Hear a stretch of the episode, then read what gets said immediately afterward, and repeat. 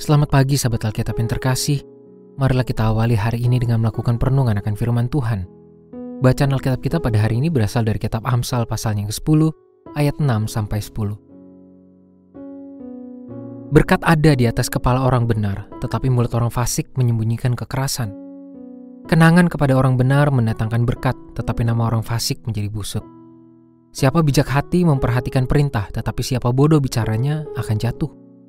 Siapa bersih kelakuannya, aman jalannya. Tetapi siapa berliku-liku jalannya, akan diketahui. Siapa mengedepikan mata, menyebabkan kesusahan. Siapa bodoh bicaranya, akan jatuh.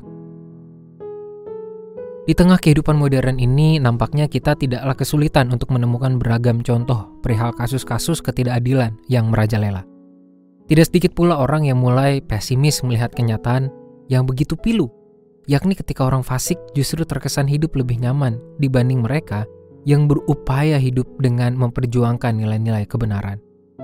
Muncul pula pertanyaan-pertanyaan seperti, kenapa saya justru lebih susah padahal sudah bekerja keras, sedangkan dia hanya bermodalkan uang suap namun mendapatkan posisi yang jauh lebih menguntungkan? Apakah hidup benar masih masuk akal untuk diperjuangkan ketika banyak tindakan yang bertolak belakang justru diterima oleh masyarakat umum? Sahabat Alkitab, tidak dapat dipungkiri bahwa kontradiksi antara konsep dengan kenyataan yang ada sering kali membuat prinsip menjadi memudar. Hal ini juga sangat mungkin terjadi pada prinsip hidup beriman sebagai umat Tuhan. Kita perlu membuka diri terhadap kemungkinan tersebut dan tidak bersikap naif.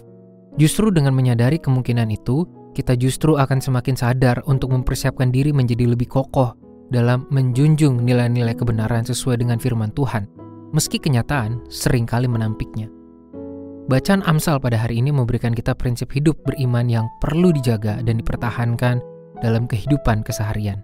Amsal mengajarkan bahwa kebenaran dan keadilan menjadi semacam kualitas hidup dari umat Tuhan yang perlu diwujudkan tanpa bergantung pada realitas yang ada.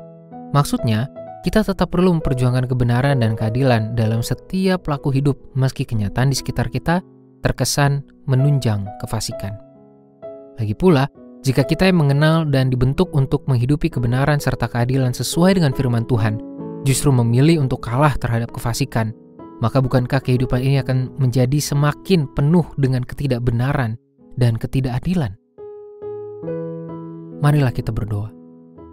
Tuhan, firman-Mu pada hari ini menyadarkan kami bahwa memang sering kali kenyataan hidup terkesan bertolak belakang dengan prinsip-prinsip sesuai dengan nilai dan kebenaran firman-Mu.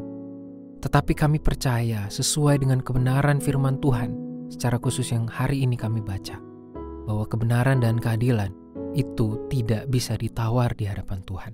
Dan sebagai umat-Mu, sudah selayaknya lah kami untuk menghidupi itu semua. Tolong kami Tuhan untuk memiliki prinsip teguh, komitmen, dan konsisten dalam menjunjung nilai-nilai kebenaran dan keadilan yang kami dapatkan sesuai dengan firman-Mu di tengah kehidupan kami. Hanya di dalam nama Tuhan Yesus kami berdoa dan memohon. Amin.